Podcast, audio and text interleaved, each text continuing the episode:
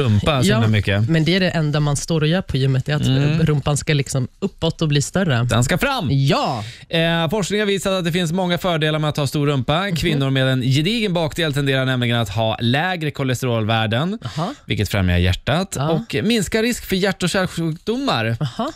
Eh, och en studie nu utförd av Oxford University visar dessutom att kvinnor med stora rumpor får smartare barn. Oj! Ja. Men hur är det ens möjligt att rumpan har något med... Ja, det kan man ju undra. Men vad då, då betyder det om din kille har en stor rumpa och du har en stor rumpa, då blir det liksom Einstein-barn? Ja, nej, utan det här är snarare med att om kvinnan har en stor rumpa. Mhm. Och Anledningen är att det är eh, en stor rumpa fortsätter, alltså, att, att, den gynnar bebisen när den är i magen Mhm.